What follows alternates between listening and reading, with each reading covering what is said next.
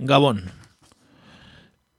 Ilabete eta erdi pasada hauteskunde orokorrak izan zirenetik, eta ia bi aste udal eta foru hauteskundeak izan zirenetik. Naiz eta oraindik e, gobernu zentrala eta udal eta foru gobernuak osatu gabe izan, aurre ikusi daiteke zein kolore izango dituzten instituzioek. Ego Euskal Herriko foru aldundi eta udalei dagokienez, EAJak bere hegemonia areagotuko egingo du eta botoetan gora eginez gainera. Bestalde, boto kopuru handiegirik gabe, pesoek bere botere zatia mantentzeaz gain, hainbat udalerri berezkuratuko ditu EAJaren laguntzarekin. Eta alderantziz, EAJak kolokan zeuzkan beste hainbat lortuko ditu Kataluniarako eunda berrogeita magosgarren artikulua asmatu zuen alderdiaren botoak batuta. Badirudi, EAJaren inguruko ustelkeria kasuek eta pesoek eunda berrogeita garren artikuluaren alde egin izanak, gurean ez dutela jendea eskandalizatzea lortu. Azken amarkadetako ustelkeria kasurik handiena izan den de Miguel kasua, edo Alonso Tegiko kasua, Errigoitiko, Maljabiako eta Erandioko ustelkeria kasuak, eta beste asko. Zerrenda gehiago ere luzatu daiteke. Osakidetzako posaketen kasuarekin adibidez. Gurean ez da Watergate eskandaluarekin egon ziren antzeko ondorioak izango, naiz eta ego euskal herriko alderdi politikoetan espioitza, telefono pintxaketa eta antzeko kasularriak aspaldi izan genituen. Bere garaian eusko jaularitzako lehendakariak, garaiko etxea berak, jasan zituen entzunketak ertzaintzaren partetik, retolaza, barne kontxilari zen garaian. Orain, hogeita ma urte entzute, entzuketekin bezala, badirudi ustelkeria kasuek ere ez dutela boto emailen artean kezka handiegirik sortzen. Orain honetan komunikabidek badute zer ikusirik. Eskandaloi ez baitiete merezitako jartzunik eman. Ez prentxan, ez irratian, ez telebistan ere. Naiz eta gipuzkoan zaborraren kudeaketarekin gertatu zenaren alboan, hainbat aldiz larriagoa izan ustelkeria kasu hauena, ordukoarekin alderatuz prentxan izan duen oi hartzuna, askoz txikiagoa izan da. Oposizioak ere badu erantzunik, erantzunkizunik. Ez baitu jakin arerioari, arerioak berari ematen dizkion kolpeak, bezain kolpe gogorrak ematen. Hemen hasten da, gaur egur. Guten Tag, meine Damen und Herren. C'est la lutte contre le terrorisme. Katea ez da eten. Agirre, garaikoetxea, leizaola. Gaur egur. Gaur egur. Gaur egur. Jolasten eta enredando.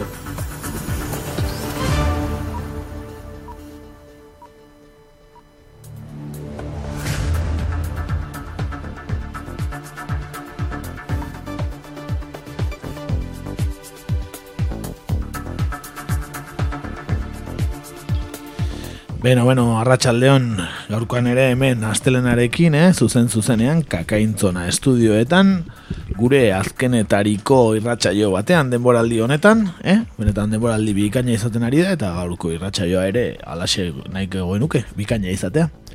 Ongi etorri? Kaixo, gabon den hori. Kaixo, on guztioi. Eta ba, besterik ez gaurkoan ere ba euskagula gaiak jorratzeko eta ba askotan gustatzen zaigun gai hoietako bat ekarri dugu lehenik eta behin, ezta? Euskal Herriko ustelkeria kasuena, zeren badirudi Euskal Oasio hontan ba ez dela inbesteko oasirik, ezta? Eh? Hemen ere... Sasi batzuk ere badaude. Bai, sasi bastante, ezta? Oasia, lehor. Bai, lehor dago oasia, batzuk batzuk lehortu dutelako, ezta? bueno, guazen ba, e, lehenik eta behin orduan ba, bertako kontuekin, bertan gaur atalean.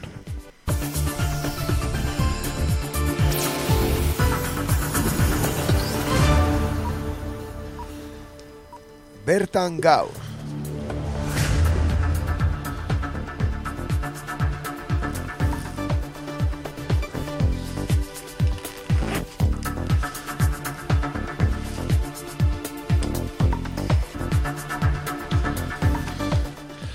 Ba, esan bezala gaurkoan Euskal Herriko ustelkeri kasu desberdinak zertan dauden errepasatuko ditugu. Eta lehenik eta behin, ba, aurreko astean berriako Iñaki Petxarromanek e, egin zuen artikulu bat e, izango dugu izpide, ustelkerien hauzien arrasto txikia.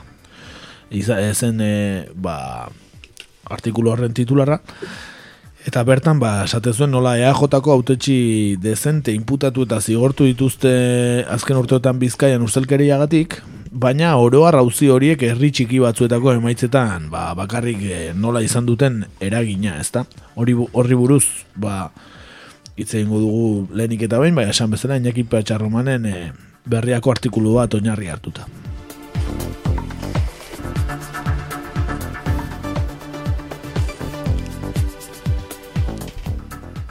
Aztego eta ben, ba, oi hartzuna izan duen Alonsetegiko kasua, aipatuko dugu.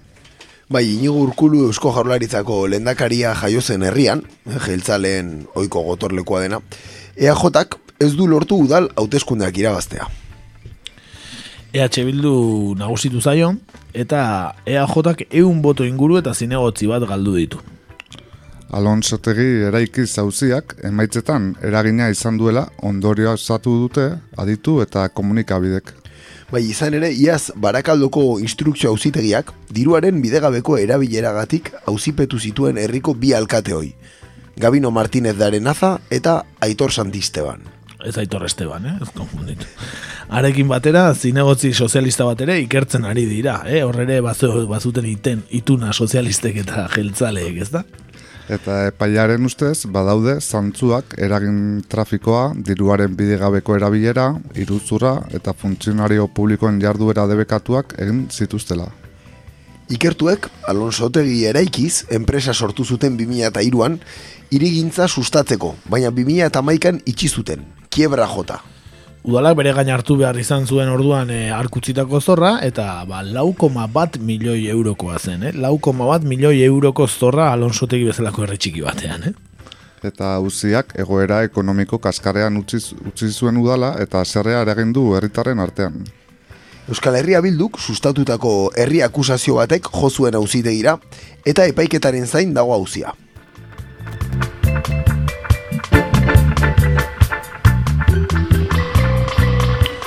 Beno, kuriosoa gainera, e, ba, lehendakari jaunaren herrian izatea, ezta? Eta ba, han e, EAJak e, boterea galtzea, ba, ustelkeri kasu nabarmen bategatik, ezta? Ez du oso irudion ematen, ez da? Bai, hola, modan eontzian horrelako, ez, e, Alonsotegi eraikiz, ba, bezala, ba, herri desberdinetan egitezian ez, soziedade desberdinak, ez, ba, gutxiago ordaintzeko azindari, eta barrez, e, obrak egiterakoan, eta gero, ba, hoietako gehienak azaleratu dira, ba, ez zirela gutxiago ordaintzeko azindari, baizik eta beste batzun poltsiko, eta era dirua bideratzeko, ezta? Ba, dirudi Alonsotegin ere horrelako zeo zer gertatu zela.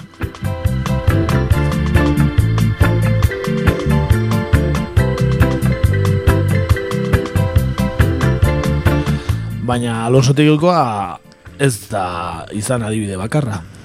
Baki ere gogor jo dute udal agintarien ustelkeria kasuek. Bai, hango alkate hoi txomin renteriak, EAJako alkate hoia, bi hilabete eta erdiko zigorra jaso zuen agiri publikoak faltsutu eta administrazioari iruzur egiteagatik. Renteria, mila beratzerun da larogeita amaostetik, bi mila eta amaikara izan zen bakioko alkatea, eta kiura talasoterapia proiektuaren adjudikazio baldintzak aldatzeagatik epaitu zuten. Beti ere, enpresa akziodunari mesede egiteagatik. Eta eako zinegotzi batek salatu zuen 2009an eta arekin bat egin zuten E EAE-ANEUek eta aralarrek. Euskal Herria Bilduk eraman du herri akusazioa. E, Euskal Jeltzaleak 2000 eta amabostean jaso zuen zigor politikoa kasu honengatik ia berreun boto, zinegotzi bat eta alkatetza galdu zituen.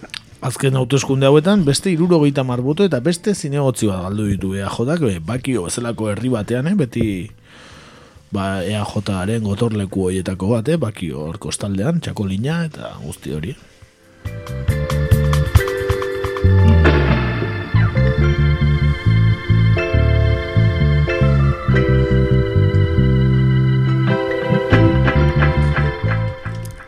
Eta muskizen ere izan du eraginik ustelkeria kasu batek, eta posible da han ere kasuaren oi hartzunak enbaitzetaraino iritsi izana. Bai, izan ere EAJak berreun da hogeita mar boto, eta zinegotzi bat galdu ditu bertan. Barakaldoko lehenengo zigorrepaitegiak zazpi urteko kargua betze publikoa ezarri zion 2008an Gonzalo Riantxo muskiz, muskizko alkate hoiari prebarikazioagatik. Kontratu bat ahoz modu lotxagabean eta edozein prozedurari muzin egiten emateagatik. Epaiak berak dioenez. Muskiz bai oposizioko taldeak salatu zuen Riantxo Geilan 2000 SM enpresari hogeita maos mila bosteun euro bitarteko fakturazioa egiteagaitik. Eta muskizko formakuntza zentroan udako ikastaroak emategatik. Udaleko kontu hartzaileak desegokitzat jo zuen prozedura, baina alkateak etzion kasurik egin.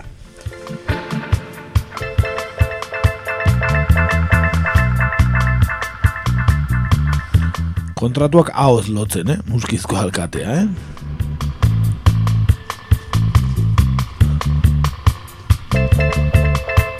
Muskizan zer dago, Petronor, edo ez planta, bai, Petronor Koke bat, planta dago, koke bai. planta, ez, horre egontzen polemika sortu zutenean, ez, kriston polemika. Bai, hor da, e, Blade Runnerren antza gehien daukan lekua izango da Euskal Herrian.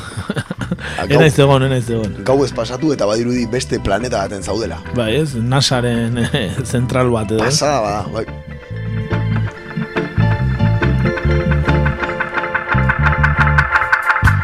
Agian sokaren itzala irratxaioko kidei pasabarko diegu, ez da, ze konspirazio egon daiteken musi, muskizeko koke planta hortan.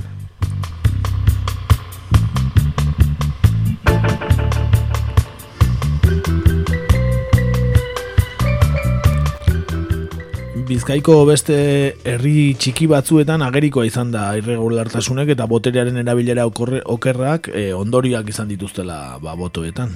Esate baterako, herrigoitin, Iñaki Madariaga alkate jeltzalea, hauteskunde delitua egotzita epaitu zuten 2006an. Herrian, hogeita lagun, aietako batzuk Galizian bizi ziren, legez kanpo erroldatu izana leporatuta.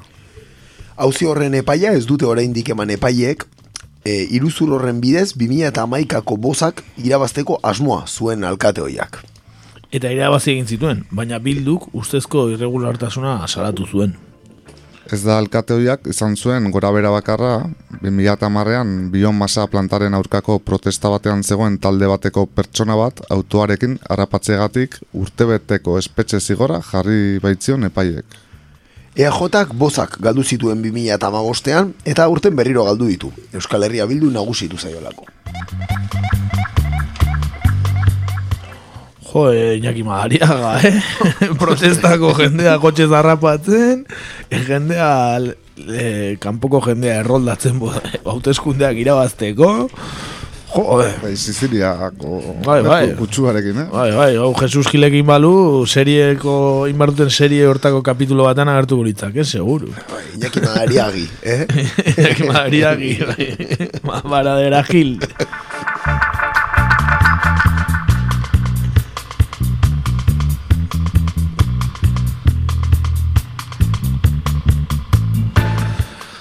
Beste zona handiko kasu bat izan da Karrantzako minda plantarena. Herri horretako alkateoia, Jose Luis Portillo eta jaurlaritzako goi kargudun bat, Martin Askazibar, gaur egun altuna iuriako kontseilari ordezkaria, zigortu zituzten epaiek. Bi urteko inhabilitazioa eta milioi bat eta zazpireun mila arteko eurorainoko isunak. Hoiekin batera, erruduntzat jo zituzten beste zinegotzi bat eta karrantzako minda enpresako beste hiru ordezkari ere. Enpresa horrek porrot egin zuen, proiektua gauzatu aurretik 10 milioi euro baino gehiagoko diru laguntza publikoa jaso ostean. Herri horretan ere, eaiotak nabarmen jetxi du bere pisu politikoa. Eun boto eta zinegotzi bat galduta.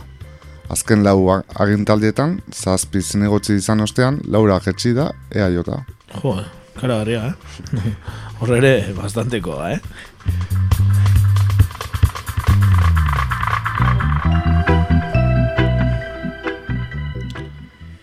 Bueno, herri txikia izanik ere, Maiabia, salbuespen gixar daiteke.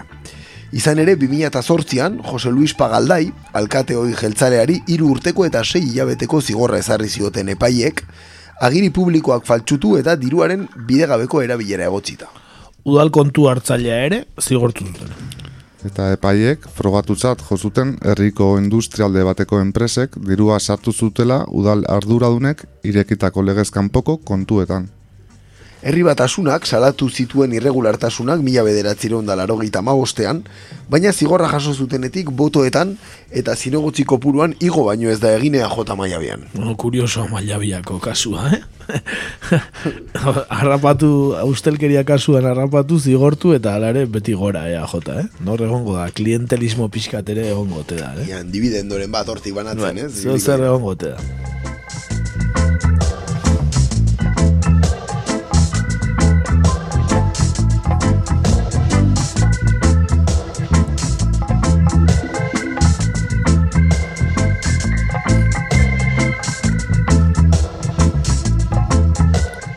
Ustelkeria kasuek ez diote ala ere kalte handiegirik egin EAJari ba, herri handiagoetan, ezta? Bai, esaterako, erandion, prebarikazioagatik zigortu zuten irigintzako zinegotzia itziarko ba 2000 eta mazazpian. Epaiek frogatutzat jo zuten prebarikazio delitua egin zuela, berziklatze enpresa bati baimenik gabe jarduten utzi ziolako. Afera beragatik epaitu zuten alkatea ere, Joseba Goiko Uria eta absolbitu egin zuten.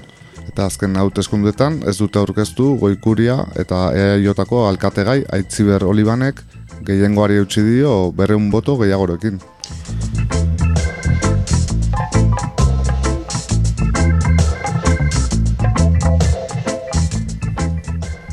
Leioan ere zeresan ugari eman zuen Pina Solo hauziak. Ikerketa batean, leiaren Euskal Autonomia Erkidegoko erakundeak ondorio estatu zuen, udalak, EAJaren udalak, kiroldegi bat egiteko hautatu zuen enpresari favorezko tratua, eman ziola, irurogei milioi euroko azpiegitura egiteko.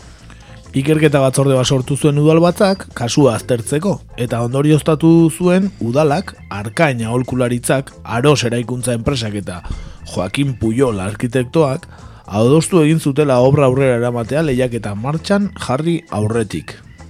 Eta Pepek fiskaltzara eraman zuen gaia 2008 garrenean eta kasuak oihartzun handia izan zuen.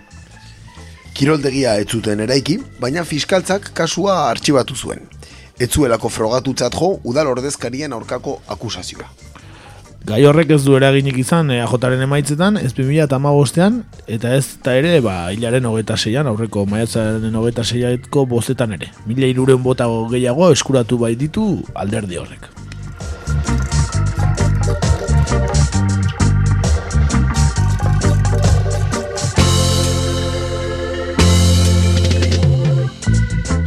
Bueno, ba, badirudi herri txikiagoetan e, jendea hobeto informatzen dela udaletxeeko trapitxeoetaz, ez? Eta igual herri handiagoetan, baina ez zaiela ainargi iristen informazioa, ez da? Zeren ez du galera handigirik e, nabaritu herri handiagoetan, ez?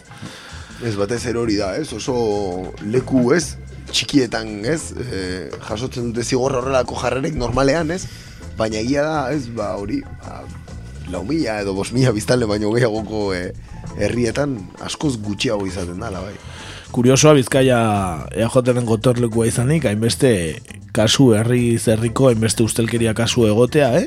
Eta, eta ia ia, ba, herrietatik aparte inorrez enteratzea, eh? Oso kuriosoa da, ze ez dut uste gutako inork hau teleberri baten edo ez, e, beste bueno, komunikabide handi baten e, entzun duenik edo irakurri duenik. Ez ez, berriak argitaratu du, baina bestela ez dago, ez? Irratian, ez telebistan, ez inun, ez da? Eta, bueno, ba, dirudi, ba, Euskal Oasia ez, ote den aino hasi, ez da?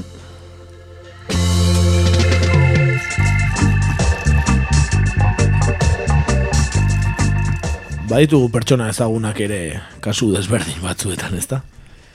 Bai, eta horren dela gutxia argi, argitaratu den beste kasu bat aipatuko dugu, gure eratzaiako lagun zara den Iñaki Anasagaztirena. Ba bai, Anasagaztik onartu du EITB-ko tertulien ordaina generotan kobratzen saiatu izana hainbat aldiz.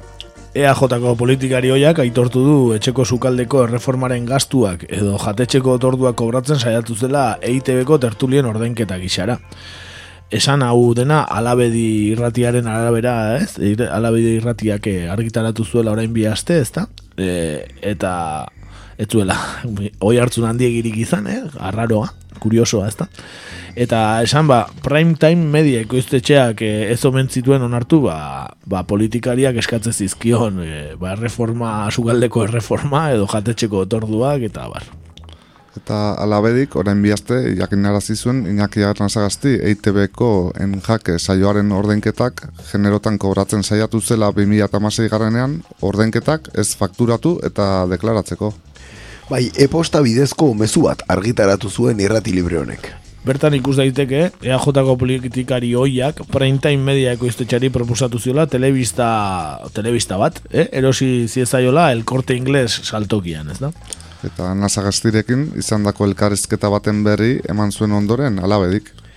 Irratiaren esanetan, anasagastik onartu egin du tertulien ordainketa generotan jasotzeko saiakera, baina ekoiztetxeak ez zuen onartu. Transkribituta eta itzulita horrela xe esan omen zuen anasagastik. Nik bai eskatu niela tipo aiei, baina inoiz ez zidaten eman.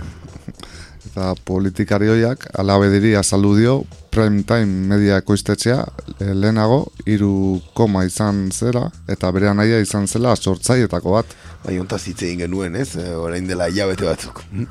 E, generotan kobratzen saiatutakoaren zerrenda luzea da. Bai, barakaldoko Max Centerren eta Efnaken erosketak, jatetxeetan otorduak ordaintzea berarentzako eta gonbidaturen batentzako, eta etxeko sukaldearen erreformalanak. Irratiaren arabera, egia balitz primetime media ekoiztetxeak ez zuela nasagaztiren proposamenik onartu, horrek esan luke politikari hoiak ba, musutruk hartu zuela parte enjakeren tertulietan.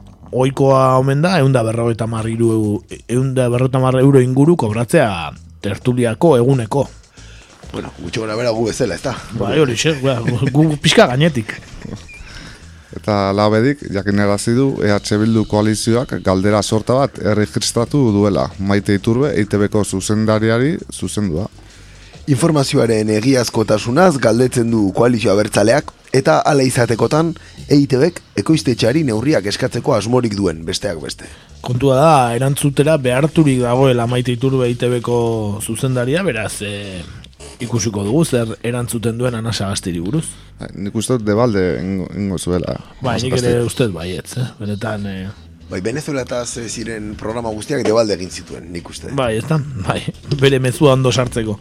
Bueno, ba, ez dakigu, e, nola egongo den bere etxeko sukaldea edo edo telebista, ze telebista ote duen, e, anasa gaztik jakin nahiko genuke. Eh?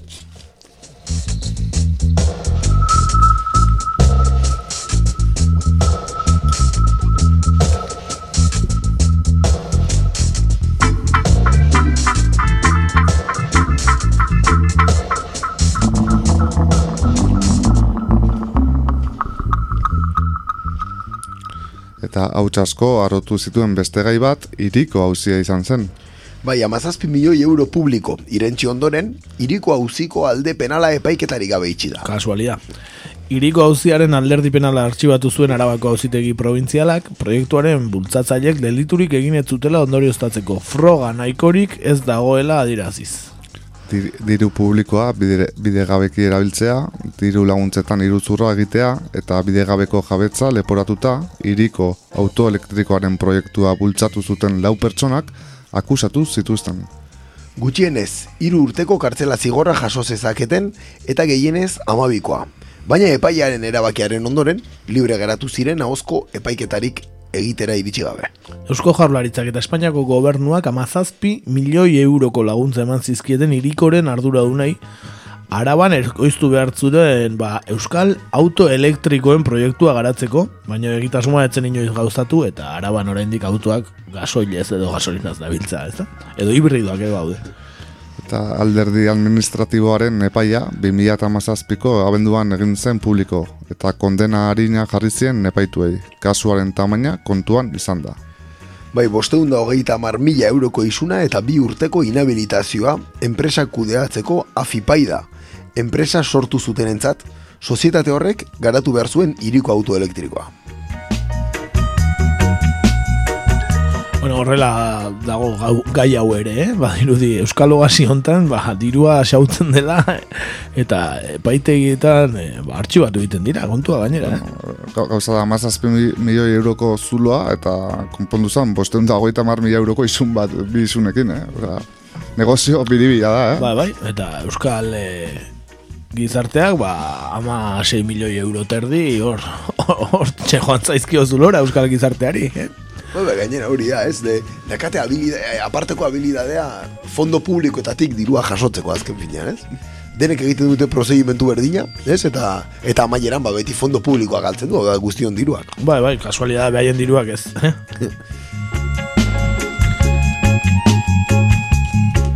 Beno, ba, hauek EAJaren inguruko ustelkeria kasuak, eh? Zeren, eh, badirudi EAJaren inguruan ez dagoela ustelkeri kasurik, baino asko eta asko daude. E, aipatu beharko genuke baita ere de Miguel kasua, ezta? E, hor dagoela, e, orain dio epaiaren zai, kasualidadea hauteskunde garai luze honetan, eh, kanpaina, prekampaina garai luze honetan ez dago nauzirik, eh, de Miguel kasuan, kasualitatea, eh, e, a- asko hausnartu beharreko gaia izango da epailearentzat, dirudienez, adi adi jarraituko du, ea ze, zertan geratzen den, de Miguel hauzia, eh? E, Euskal Herriko ustelkeria kasurik handiena izan daitekeena, eh? Zalantzari gabe, eta, eta baita ere, ba, bueno, ez, e, responsabilidade EAJaren barnean, ez, oso responsabilidade altuak zituen jendea dagoela bai, bertan. bai. De Migueletik hasita? Arabako diputazioko, ez? EAJko kide zen de Miguel Bera, edo Araba buru batzarreko jendea, eta abar, eta abar. Bai, bai, hor, e, burkide esente zeuden, ez, eta ikusi beharko, ez, zer gertatzen da. Bai, bai, ikusi beharko. Baina Euskal Herrian euki ditugu EAJ-tik aparteko ustelkeria kasuak ere, eh? Adibidez, Nafarroan, eh? bere garaian PSN-eren inguruan izan ziren, eta azken boladan UPN-eren inguruan egon ziren, ba, adibidez, Nafarroare, Nafarroko kutsaren kasuak, ezta? Eta lurrikara handia sortu zuen bere garaian Nafarroan, ezta? E, kontuz plataforma eta guzti horrekin. Ei, Eta Nafarroako kutsaren hauzia behin betiko artxibatu du Espainiako auzitegi nazionalak. Bai, ebatzi gabe geratzen zen azken zirrikitu judiziala da artxibatu duena. Ikerketak iraun dituen sei urteren ondoren epaileak kasua iste erabaki du irre- irregulartasunik ez dagoelakoan. Hala, hirugarren aldiz, agindu du artxibatzea hauzia 2008an zabaldu zenetik. Alde batetik, burtsaratzearen ikerketa lana egin du epaitegiak, eta oraingoan irregulartasun zantzurik ikusi ez duenez, behin betiko itxi du auzi hori. Tartean ikertu dira Nafarroako gobernuko kargue jaso zituzten dietak, entitateak egin zitzaion ikuskatze lana, kontseilariei eta senitarteko igorri zitzaizkien dietak, banka zibikaren fusioko kontuak, burtsaratzea, Nafarroko kutsako zenbait eragiketa eta Nafarroko gobernu buru izandako Miguel Sanzena, zein Enrique Goñi, Kaja Navarrako presidentearen ondareak ere e, ba, ikertu dira guzti honetan, eta esan bezala ba, ba artxibatu egin da. Bai ez, eta aipatu behar da, salaketak kontuz taldeak zen UPID aurkeztu zituztela. Eh, Hortxe? Rosa Díazen alderdi eh? historikoa, historiara pasadelako, ez da? bai, batez ere horregatik, ez da.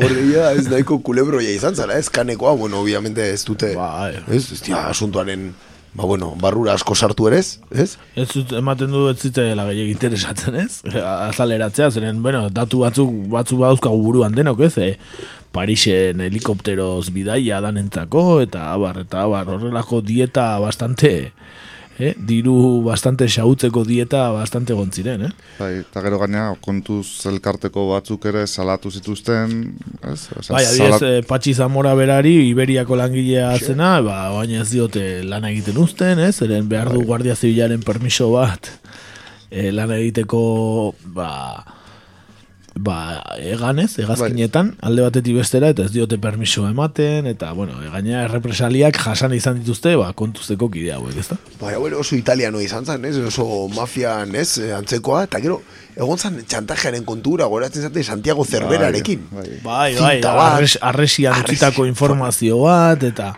ba, benetan ikaragarri izan zen kasu hau, eh? Eta, ba, orain artxibatuta, kasualidadez, eh? Ba, ez dakigu, hemen Euskal Herriko ustelkeria kasuak noiz, noiz eh, epaituko diren eh, zigor batekin, eh?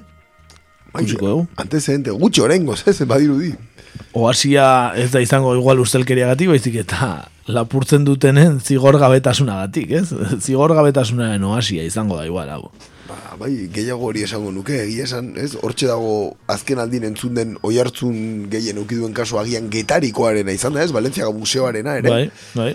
Baina bererik ez, ez? Horren inguruan ere. Horren buruz ere, ez, oantxe testifikatu zuen, ez, e, alkateak, eta, bueno, hor sartu dute kontu sentimental bat zela, eta bueno, pixka bidera, desbideratu zede atentzioa beste gauza batzutara, ez? E, ez EAJ kidea zela eta hori eh, aipatu gabe. Bueno, ba horrela gauzak Euskal Oasi honetan, eh? Benetan bikain, e, baina hala ere, ba, dirudienez, e, ustelkeria kasuak egoteak ez du inungo e, erantzunik gizartean edo bintzat bo, bozkatan igo egiten dira. Alderdi hauek ez da implikatutako alderdi hauek bozkatan e, igo eta eta agintean jarraitu. Bai, ez, e, kasuak daukaten pisurako adibidez ez, ez, dute oi hartzuna hondirik izan ez e, bai, adibidez de Miguel kasua ikusi dugu ze jarraipen egin zuten ez e, Hor, nik uste edo horrek onartu dezakela EAJkoa izanik ere beste alderdi kide batzuen kontua izango balitz eh, de Miguel kasuak teleberriak zabalduko lituzkela, ez? Bai, bai, du diga, ber. Osea, komunikabideen paperak ezinbesteko garrantzia Nik uste eh? titular gehiago iriki dituela Espainiako ustelkeria kasuek gehiago ez? E, teleberri baten, e, ba, de Miguel kasua berak baino, eh? Bai, Edo Kataluniakoak. Bai, hemen, hemen, bai, alder, alderdi populararen ba, kontueketan ikustet ere asko tapatu dutela, ez? Guzti horiz, e, batzuen zorionerako noski. Mm gero baita kasualia izan zen, baina hemen aipatu genuen, ez? Baita nola de Miguel kasua eta kabakasen kasua kasualiaki batera iritsi ziren baita, ausetik gaitara. Bai, bai, bai. Eta gero, ez? Olako bitxikeriak pasatu mm izan dira, eh?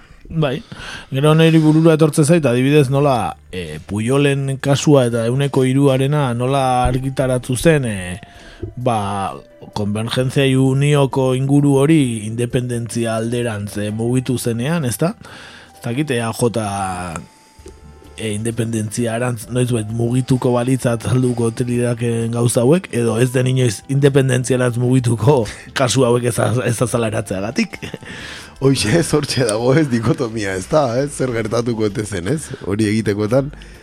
Baina bai, egia da alderdiek eta baien ustelkeri kasu hauek nahiko, bueno, desente kondizionatzen dituztera, hildo politikoan ere, ez? Katalunian argi eta garbi ikusia. Noski, noski. Eh? Eta gogoratu ezagun, eh, Katalunian 3%, ez? Euneko iruaren izan baldin bazan kontu famoso, de Miguelen kasuan euneko laua zari garela, eh? Hemen orain dikan, eh, puntu bat gorago, eh? Portzentajean, eh?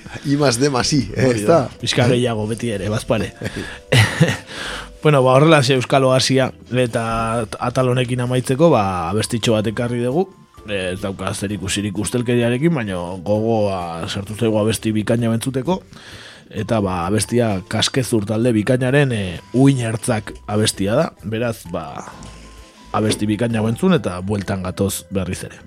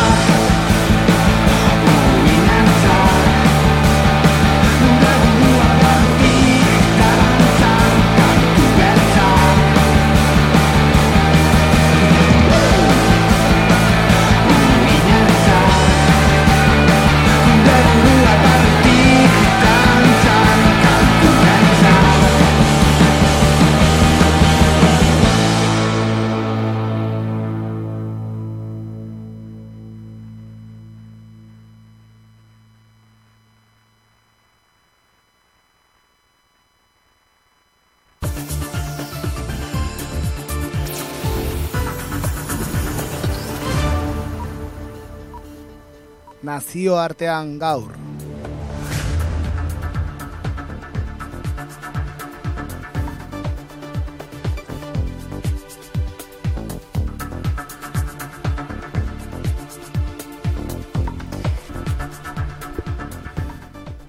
Bueno, ba, aurrera goaz, eta beti bezala Euskal Herretik mundu zabalera, eh? E, goaz e, orain gontan. Gaurkoan, e, nazioarteko atalean, azken aldian, hautsak arrotu dituen gai bati helduko diogu. E, leia ekonomiko gogor baten, e, ari dira estatu batuak eta txina, azken aldian, Naiz eta badirudien, ba, aduan atasen inguruan, sortu den gerraren atzean, zientzia eta teknologia alorretan supremazia eskuratzea dagoela. Herritarren gehiengoarentzat, ba, ulertzeko zaiak diren gaiak e, dira hauek, baina bueno, gaurkoan gertatzen ari dena, ba, alik eta uberen azaltzen saiatuko gea, eta bueno, ba, gure gaurko propositoa.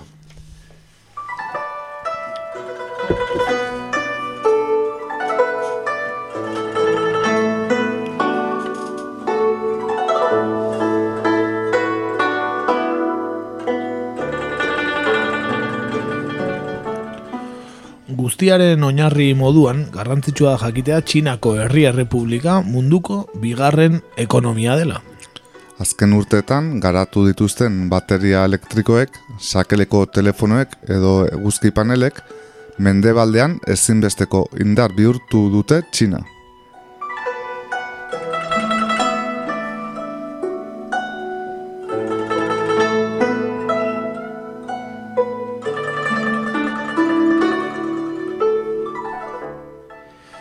Parametro ekonomikoetan aritzen bagea, e, txinatarrak ez dira agian joku garbiaren eredu izan, baina sistema kapitalista neoliberalaren funtzionamendua modu oso eraginkorrean probesten asmatu dute. Donald Trumpek eta Europear Komisioak Txinako gobernuari bere ekonomiako enpresa honenei diru laguntza ugari ematea leporatu diote baita jabetza intelektualaren arauak ez betez kompetentziaren arauei muzin egitea ere. Dena den Trumpek txinatar ekonomiarekiko hartutako azken erabakiak inoiz hartutako gogorrenak izaten ari dira.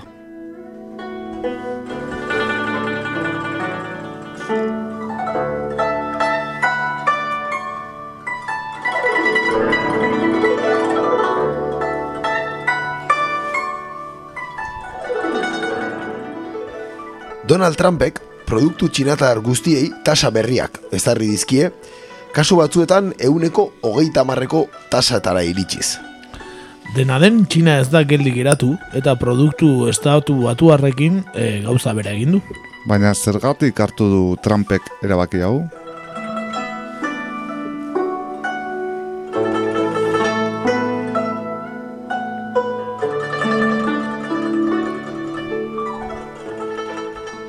Ideia bat egiteko, 2018an, estatu batuek, txinatik bosteun da hogeita emeretzi mila milioi dolarreko balioa zuten importazioak egin zituzten. Bilioi erdi baino gehiago. Eh? Hori da, bai oso zifra hundiak ez manejatuko ditugu gaurkoan, hoxe gutxi gora bera referentziak eukitzeko. Hori da, Txinara ordea, eunda hogei mila milioi dolarreko balioa zuten esportazioa burutu zituzten. Hau da, bost aldiz gutxiago. Egoera honek desoreka handia sortu du bi herrialdeen artean eta estatu batuen defizit komertziala handitu egin du. Beste modu batera esan da, estatu batuek Txinari erosten diotena baino bost aldiz gutxiago saltzen diote. Defizit komertzial honen azkundea, ez da gauza berria, azken hogei urteetan, estatu batuek Txinarekiko duten defizit komertziala amarko iztu egin dute eta. Baina zer motatako materialak importatzen dituzte estatu batuak eh, Txinatik? Batez ere, gailu elektronikoak, sakeleko telefonoak dira nagusi, ordenagailuak, komunikaziorako tresneria eta osagarri informatikoen aurretik. Eungintzarako osagai ugari ere erosten dizkote estatu batuek Txinari. Txinak, ordea, estatu batuei hegazkinak, soja, industria makinaria, autoak eta produktu kimikoak erosten dizkio nagusiki.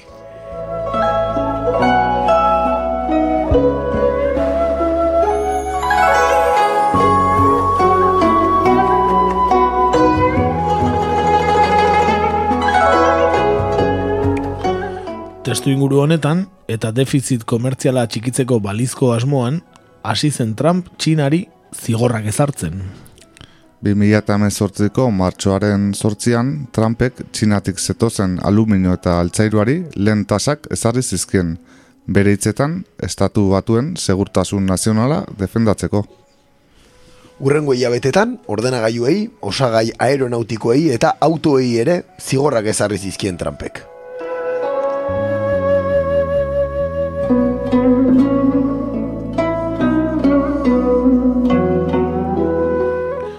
Bi mila eta emezortzirako, maia, maia, 2018ko maiatzaren sortzirako, hau da bi hilabetetan, berreun mila milioi dolarreko balioa zuten produktu txinatarrei, euneko hogeita bosteko tasa ezarri zien.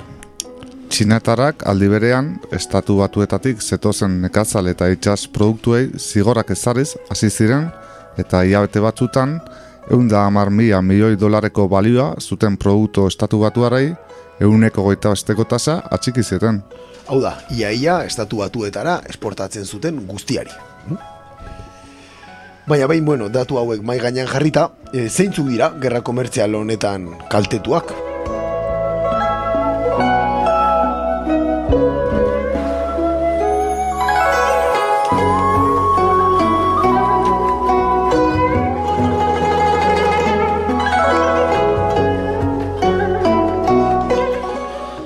Ba, pentsatuko duzuen moduan, kontsumitzaileak izaten ari dira neurri hauen kaltetu nagusiak, naiz eta made in China produktuak estatu batuetako edozein txokotan aurkitu daitezkeen oraindik. Txinaren kasuan, made in usari buruz esan ez dezakeguna.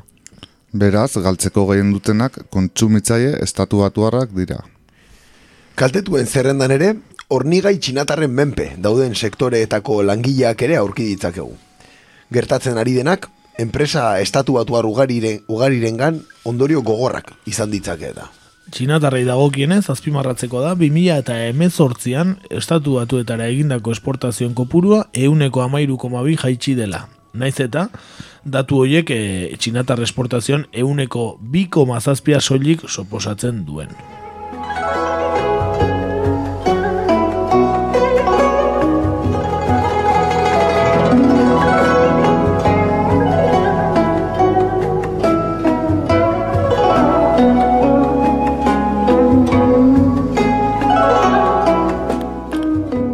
Dena den, Txinako industria elektronikoan ondorioak izaten ari da estatu batuatera egindako esportazioen gutxitzi horrek.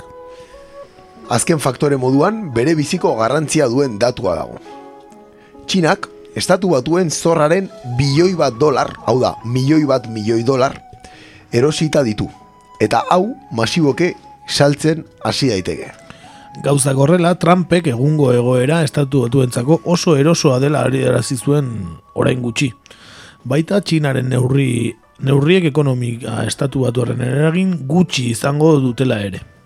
Bere aldetik, Liu Gen, Liu Ge, lehen ministro orde txinatarak, arazoa Txinaren estatu batuen eta munduko herrialden onurako modu arrizonalean konponduko dutela azaldu du. Txinak eta bere herriak beldurrik ez dutela azpimaratuz.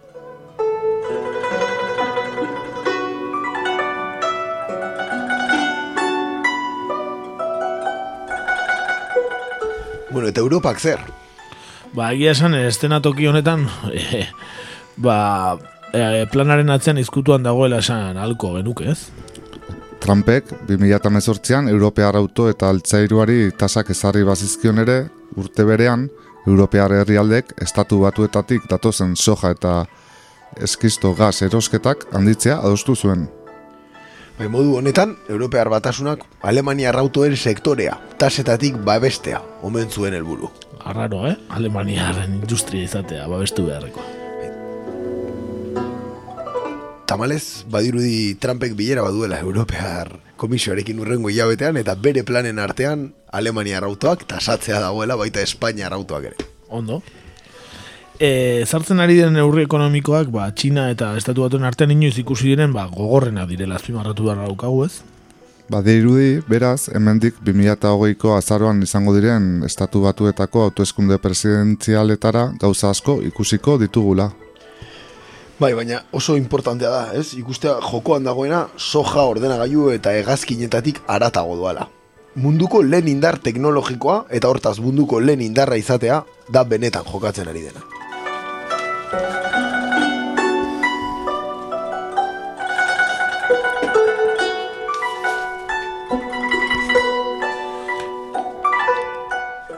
Urrengo gerra mundiala izango oteal, ozango ote da Txina eta Estatu Batuakena, edo ja bizitzen ari gara hirugarren gerra mundiala Txina eta Estatu Batuaken artean? Ba, egia esan oso konsekuentzia eta deribada txarrak izan dezak, ditzake ez, kontu guzti honek. Ba, dirudik gogor ari diela bien artean, e, tasen, aduana tasetan ezarritako zifrak, e, bueno, orain dela urte batzuk inork ez, aurre, ez zituen aurre ikusiko eta gertatu da. Deraen hor, ba, haude bi gauz igual azpimarratzekoak direna, lehenena, lehena da Trumpek egindako bere promesa ez, hauteskundetan, defizita gutxituko zuela esan zuen, eta badirudi ez duela lortu, bai, defizit hori e, txinarekiko defizit komertziala gutxitzea, baina egia esan inork ez zuen ulertu bere garaian promesa hori egitea, zergatik, ba, alde batetik, e, laro bitik, estatu batuek defizit ekonomiko hori izan dutelako, lehenengo gauza oso aspalditik datorrela, hau da ez dela e, bere legislaturan edo aurreko legislaturan sortutako zerbait izan. Bestalde, 2000 eta bederatzitik estatu batuak azkundean daudelako, bai? Adibide bat jartzearen, azken berrogei urtetan egon den langabezi tasa bajuena daukate oraintxe, estatu batuek. Obviamente bere, la, bere gabezi guztiekin eta eta sistemaren e, trikimaio guztiekin, baina datuak hoiek dira. Ordun ez du ematen defizit horrek estatu batuen ekonomia oraintxe bertan edo azken urte hauetan mermatu duenik, ez da gutxiago ere, eta bestalde batetik dago ez da la China. Estatu batuekin defizit komertziala daukan herrialde bakarra. Bai, hortxe hau de Mexiko, Kanada, Japonia edo Alemania bera. Bai. De hecho, horregatik dauka Trumpek nahiko fijazioa Alemaniarekin, ez, aspaldianik, defizit komertzial hori gutxitu nahi duelako. Bai, hori lehenengo gauza. Eta bigarrena, da txinatarrak gai hauetan oso azkarrak direla eta esperientzia handikoak, bai. Eta urren urteko hauteskundei begira, ba Trumpi min desente egin aldiotela. Nola, ba ondo dakite Trumpek ze estatuetan lortzen dituen bozka gehien, bai, eta seguraski beraien, ba bueno, trikimailu ekonomikoak eta beraien arantzelak edo tasa, ez, eh, aduana tasa hauek, ba Trumpek bozka gehien dituen estatuak kaltetzear, ez, edo kaltetzearen egingo dituzte. Bai, hoxe izango da txinatarren seguraski jarrera hemendik aurrera. Bai? Bai, kuriosoa baita ere, nola e, gerra hau asko ari dan e, edatzen ba, teknologia berrietara, ez? E, ez dugu aipatu, baina orain e, hau zago dabil e, Huawei-en kontua, ez? E, nola Huawei telefono enpresa ba, estatu batu eta, bueno, e, hor sartu da Google eta Android e, sistema eragilea erabiltzea ukatuko diotela, horre dakarren ez, ba, WhatsApp edo YouTube bezalako aplikazioak erabiltzea, eta abar, eta abar, ez? Hor badago baita ere, e, pertsonen informazioaren kudeaketaren kontua, ez? Hori ere gerraren parte baita orain, ez? Bai, bai, ziur baietz. E, ba, Hua- Huawei-en kasuan ikusi egun bezala, gaina bere lehendakariare atxilotu zuten, eta, bueno, ez, horre gerra zikin azpigara bastante egon. Eta komentatzearen beste argazki bat, e, bitxia baita ere, e, pasaren aste buruan, e, bakizue, egunaren urte hurrena dela eta ba, hor egon ziren e, Frantzian, bai Donald Trump bera, e, Emmanuel Macron, e, Teresa May Britania handitik, eta ba, etzen, ez, Vladimir Putin bera etzen gonbidatua izan, eta beraiek, eta Txinako lehendakariak edo presidenteak e, beraiek, aparte ospatu zuten, ez, ba, Bai, egun hori edo. egun hori, hori da, eta, bueno, baita gerra horren eh, beste argazki bat dela ere esan zuten komunikabide batzuk, eh? Esan daiteke gerra hotza bintzat badagoela, eh? Txina, Rusia eta estatu batuen artean, hor, eh? Badago, badago. Izatik, askotan aztu egiten da, zaik, Errusia, bueno, Sovietar batasuna zena izan zen e, gerra... Gerrako irabazlea. Irabazlea nagusia, baina txinak ere izugarrizko papela izan zuen da, gerra hartan, ez? Japoniar imperioaren aurka, e, eta ezagit, e, ematen dut hori dena astu nahi dela baita. Bai, ere. ez, bueno, Hollywooden indarrak, ba, dakar, eh, pentsatzea, ba, estatu batuak eta Inglaterrak irabazi zutela lehen gerra mundiala, baina, bueno, Sovietar batasunaren eskuartzerik gabe eta Txina bezalako potentzien eskuartzerik gabe ez zuten, ez zuten irabaziko, eh? Zalantzari gabe, eta guzti hori, ez?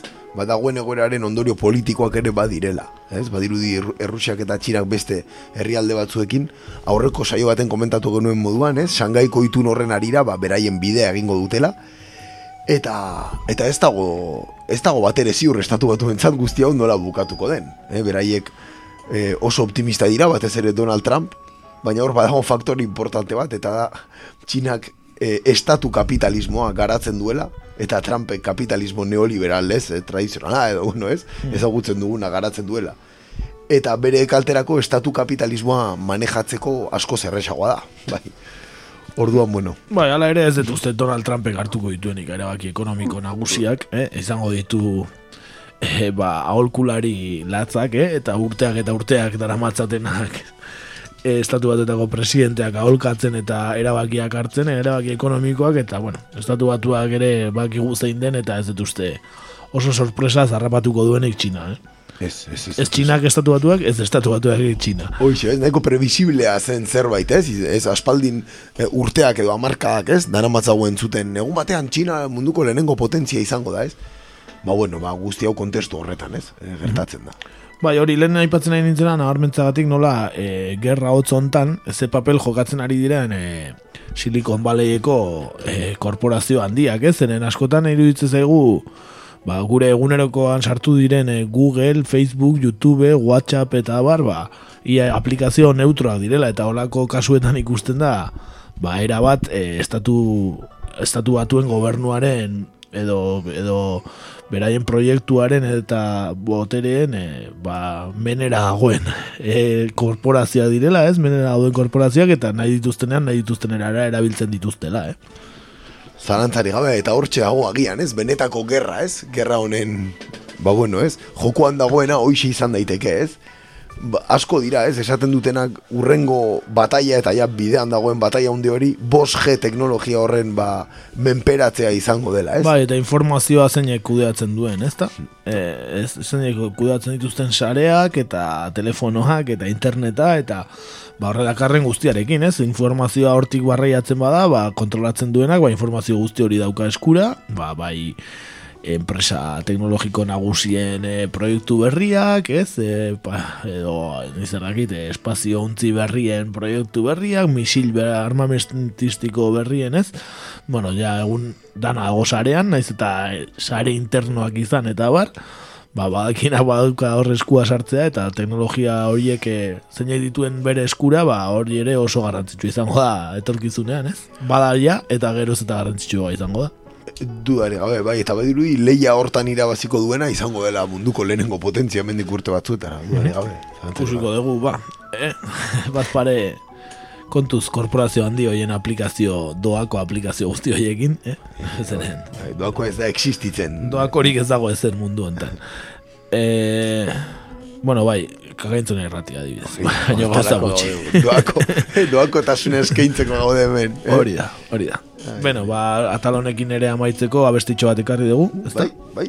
Abestia dekarri dugu, Petit Biscuit, bai, e, estatu frantseseko DJ-arena, bai, oso gaztea da, emeretzi urte ditu. Eta egia esan, ba, nahiko, bueno, nahiko produkzio handiak egin ditu e, orain arte, bai, hau da oso no, bera autoekoiztu da, baina, baina oso erantzun hona eukidu publikoaren aldetik, eta bueno, hortxe dabil. Entzun dezagun ba, Petit Biscuit, eta bera bestia Palms.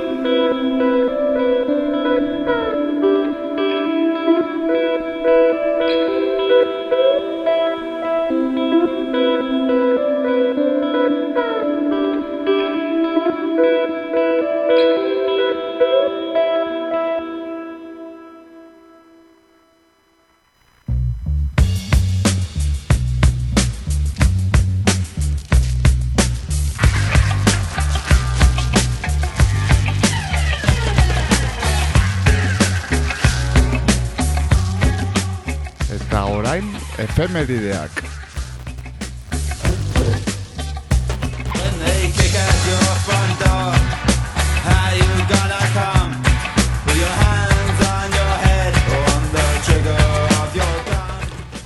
Azteko, ekainaren behatzira joko dugu, 2008a eta egun hartan, Espainiak Europar batasunari eun mila milioi euro arteko erreskatea eskatu zion. Hortxe haude, pagatzeke oraindik. Bai? Bai, Eta erresketarik ez omen zen izan, baina, esatu dute. bai, bueno. Gainera, Bueno, krisirik ere ez, bat- batzun ustez. un préstamo.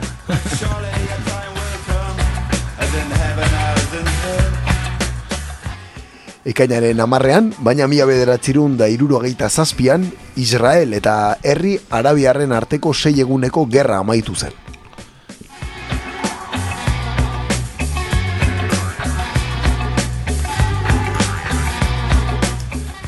Ekainaren amaikan, 2000 eta amarrean, Tajikistan egoaldean egondako istilu etnikoetan, ba, hogeita mazazpi pertsona hil ziren, orain behatzi urte.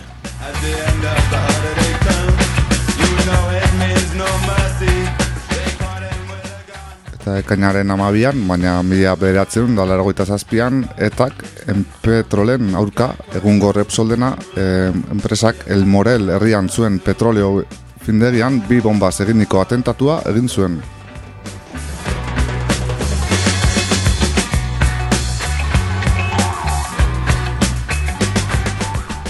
Eta ekainaren amabian ere, baina laro geita amaikan, Boris Yeltsin hautatu zuten Errusiako presidente. Eta egun hortan ere, bozka edantzen.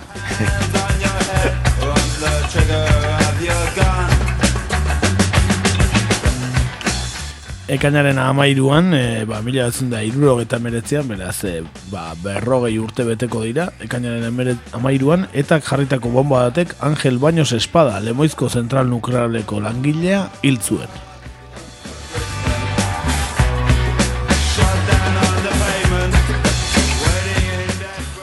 Egun berdinean, baina mila bederatzen larogeita bostean, Ego Afrikan arraza ezberdinen arteko ezkontzak eta harreman sexualak zigor gabetu ziren. Laro eta bostean, eh?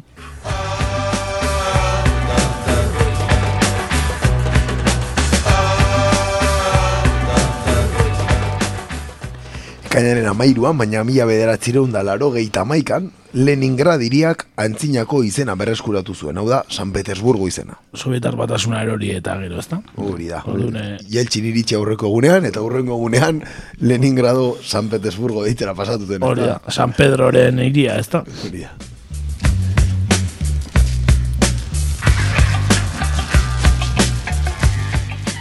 Ekaina gamalauean, mila batzen dagoita maikan, Lizarran alkateen biltzarrak autonomia estatu bat eskatu zuen ego euskal herri eh, osoarentzat.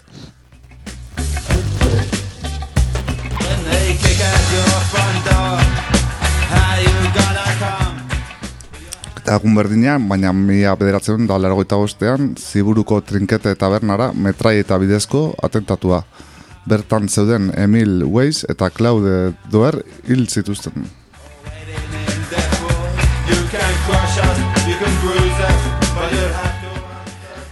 Amaitzeko, eh? efemeride epiko bat, ekainaren amalauan, baina mila bederatzerun da bostean, Potemkin korazatuaren matxina hasi zen. Korazo, potenkin, Eh, eh? jauna, Oinatin egon zen musika talde bat, potenkin, ez orain ez hain beste, eh? bai, gaina letra nahiko, ez, hola antzekoekin, ez, hola Bai. nahiko sovietarrekin, eh, Bai, ez, bai. idazten zuen. Bai, bai. Beno, ba, onaino efemerideak eta guazen, ba, sare sozialekin.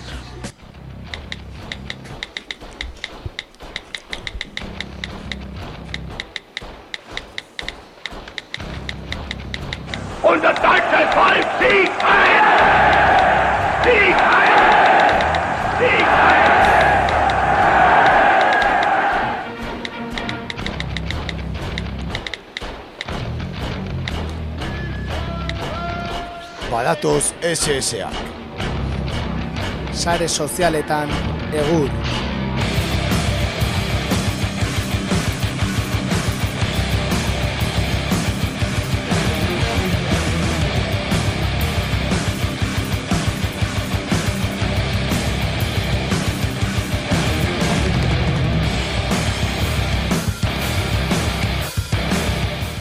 Beno, guazen ba, sare sozialekin, eh? lehenik eta behin aipatu ba, aurreko asteko aurreko asteko entre, e, inkesta aipatuko dugu, bai? E, gogoratuko duzu maite esporrinei buruz aritu ginela, ezta? E, na, e, izan ote daiteken iruñako alkate edo zein izango den iruñako alkate bueno, gure entzuleen gehiengoak e, Enrique Maia izango dela uste du uste dut nahiko ondo bideratu eta goela gure entzulegoa, ezta? Eta gero, ba, Joseba Siron, bigarrena, igual jendeak e, bihotza ge- gehiago eragin dio buruak baino, eh? hori aukeratzea erakoan, eta maite esporrin daitzi algomez ez dute ikusten, eh? Laz, gure favoritoa zen maite esporrin ez dute ikusten alkate gai, ez? Ez da... Alkate. Eh, bai, exito gutxi eukidu, eh, gure go- gomendioa. Bai, ala dirudi. Bueno, ala izaten da batzutan. Bueno, ba, soberanoa da gure entzulegoa eta hori erabaki du. Gero bidaliko dugu aurko galdera, guazen lehenengo sare sozialak eman digunarekin.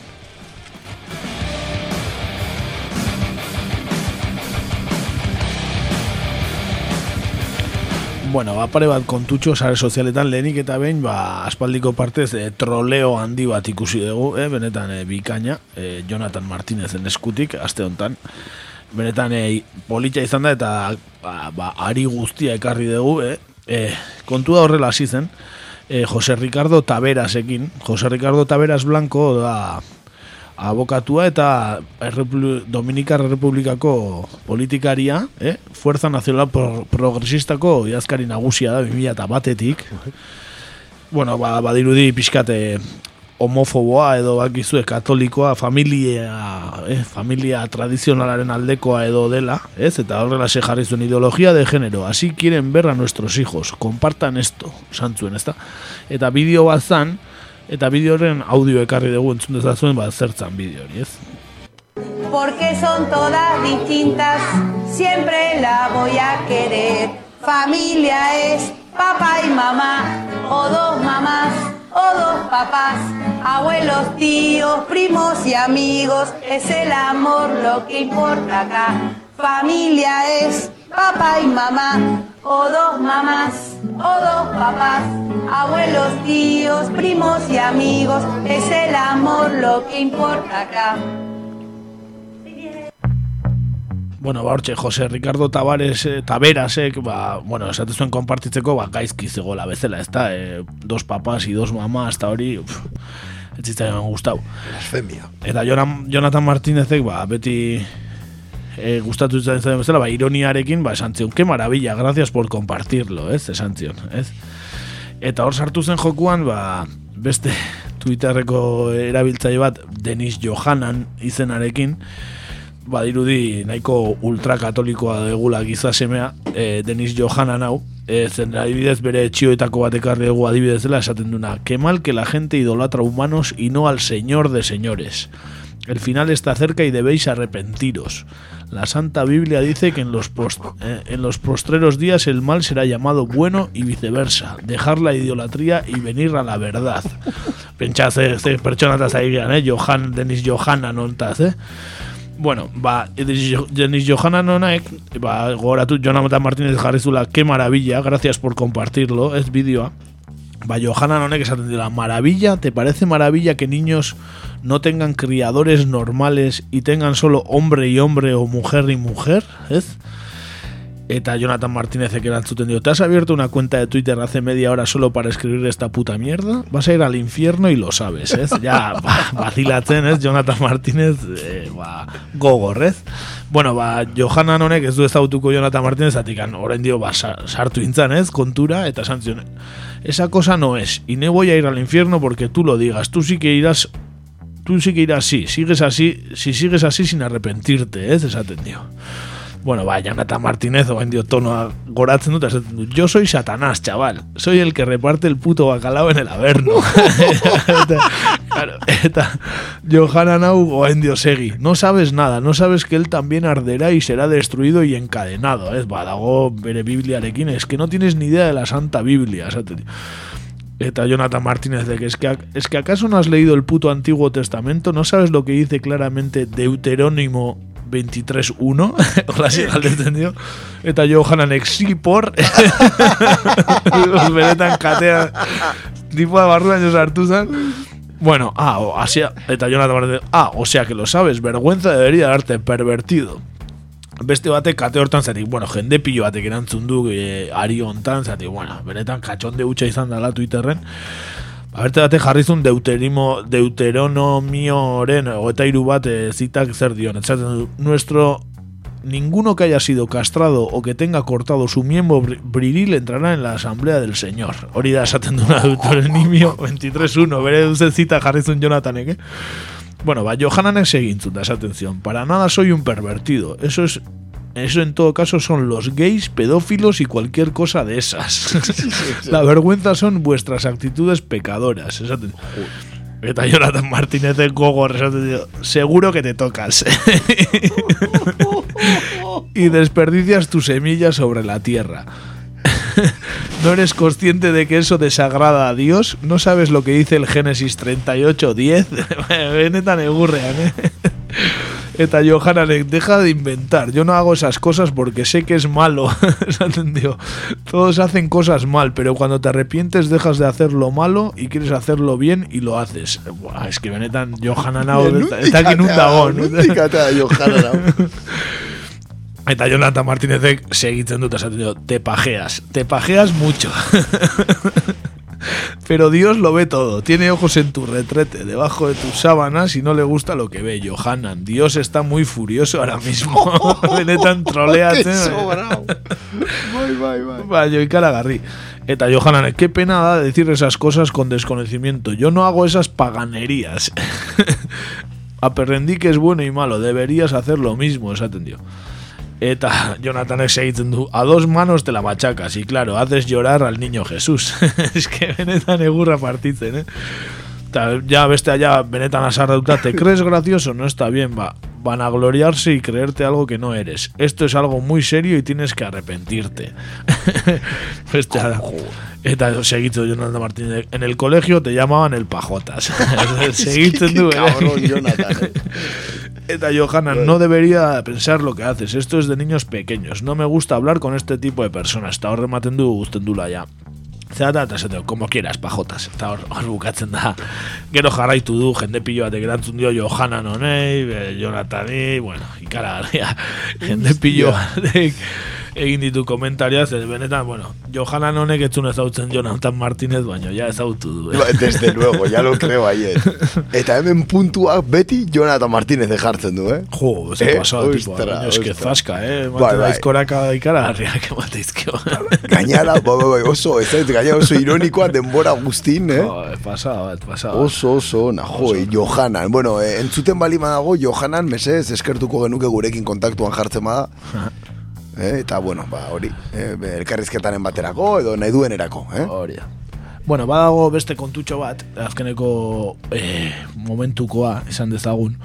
Kontua ez dakit entera uzaten Barbara Goenagaren movida. Eh? Oain, eh, baita Euskal Telebistan ere agertu omen da, eta Radio Ah, bai. Euskadin eta dana. Bueno, kontua da Barbara Goenaga katzo edo uste dut, eh, asteburuan behintzat idatzi zuela otro ataque homófobo y machista. Esta vez la víctima ha sido una pareja de mujeres en un bus londinense. No, los homosexuales no necesitan terapia, las necesitan los homófobos y de manera urgente. Ellos y los que su silencio y medias tintas se convierten en cómplices. Bueno, kontua da, irantzu balelak, eh, ezautuko ez feminista ezaguna ez, eta uste TH Bilduko Bai, zerre- izandakoa, zerrenda edo, buru bai, ba- o bai. zerrendan baten juntakoa, ez dakit. Ba, irantzu balelak esaten dira, díselo al hombre con el que compartes tu proyecto vital y crianza, cuyo partido pacta con quienes lanzan los mensajes y proponen las leyes que legitiman la violencia LGTBI, ¿ez? Ah, igual a ti te hace caso. Eta bueno, Bárbara Naga, Kiranzu, no hagas lo que muchos llevan haciendo hace más de cinco años, ese machaque psicológico constante a modo de goteo que tengo que soportar por ser la mujer de cada vez que opino. Si las feministas nos comportamos así, apaga y vámonos. Bueno, ba guzti honek kriston revuelo ha montado du Twitterren, ez, jende asko Barbara Goenagaren alde, adibidez, gure e, ataleko protagonista izan ohi den bat, Don Michel Erregea, e, Barbara Goenagaren alde, hartu da, beste batzu kontra, bueno, danetik.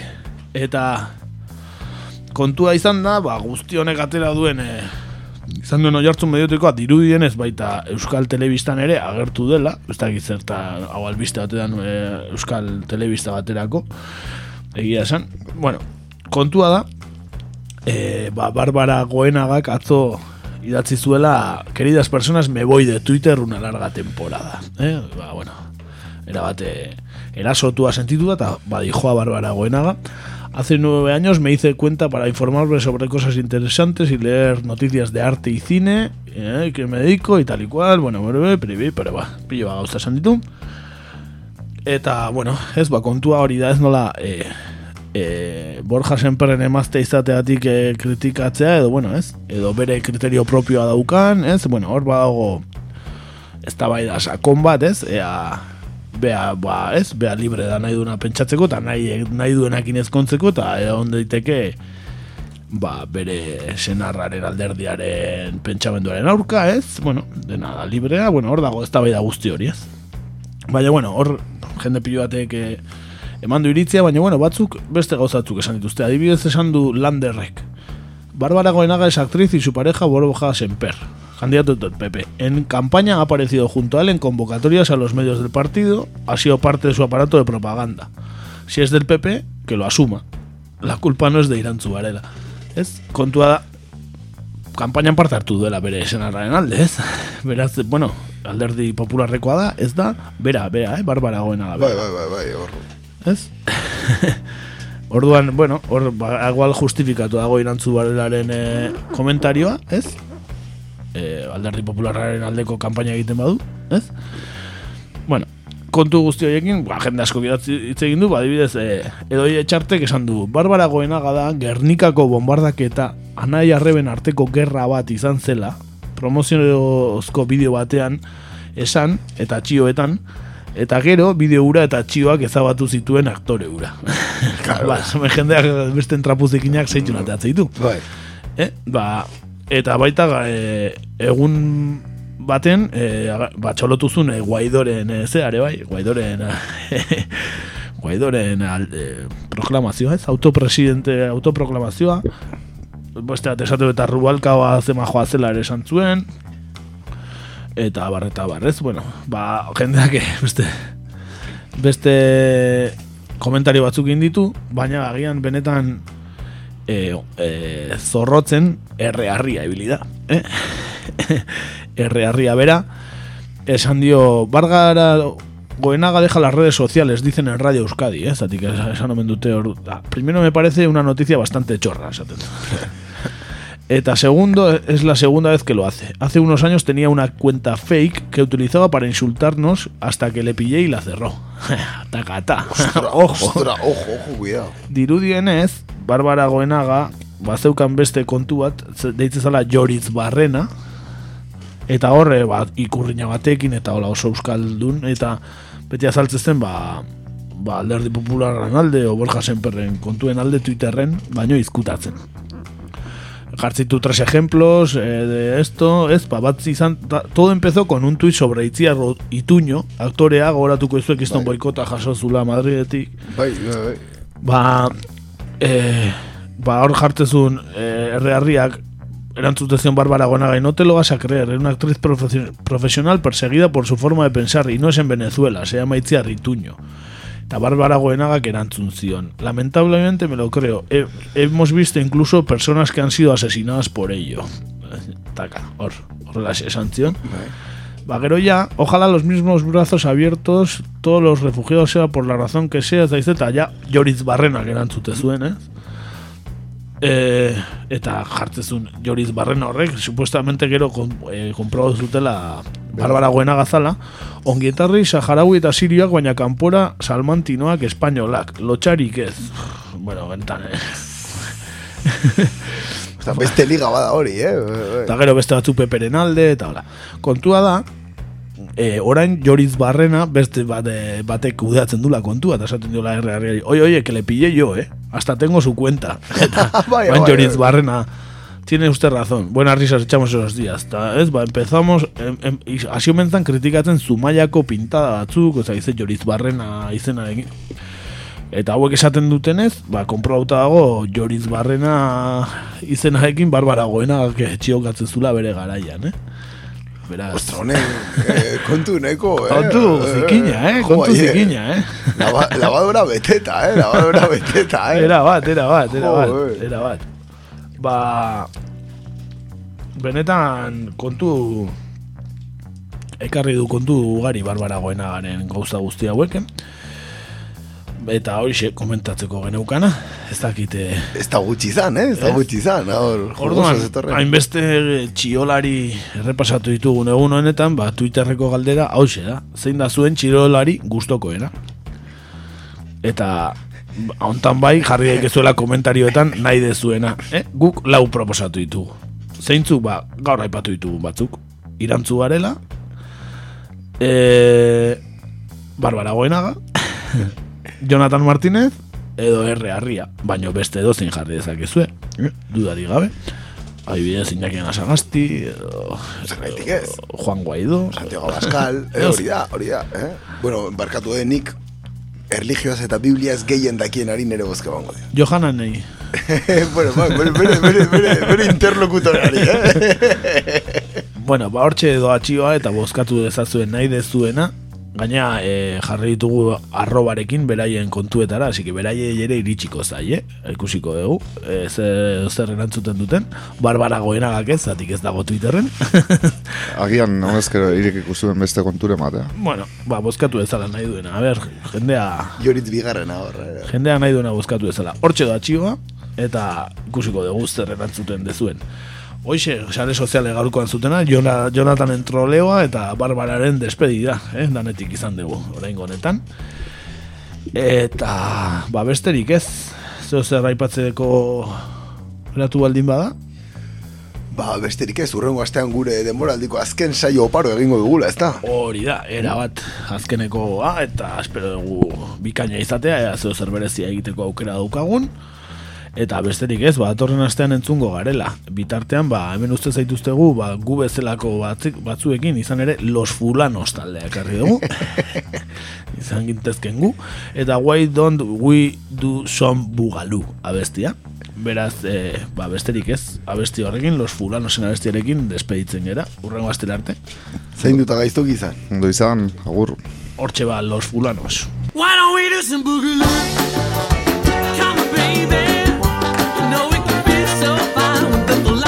You can say your part. Come on, baby. You know. Come on, baby. Come on. Do some boogaloo with me. When you get out in fiesta, you understand why nobody just the same people to have fun. Pero a ti te sobra y yo te.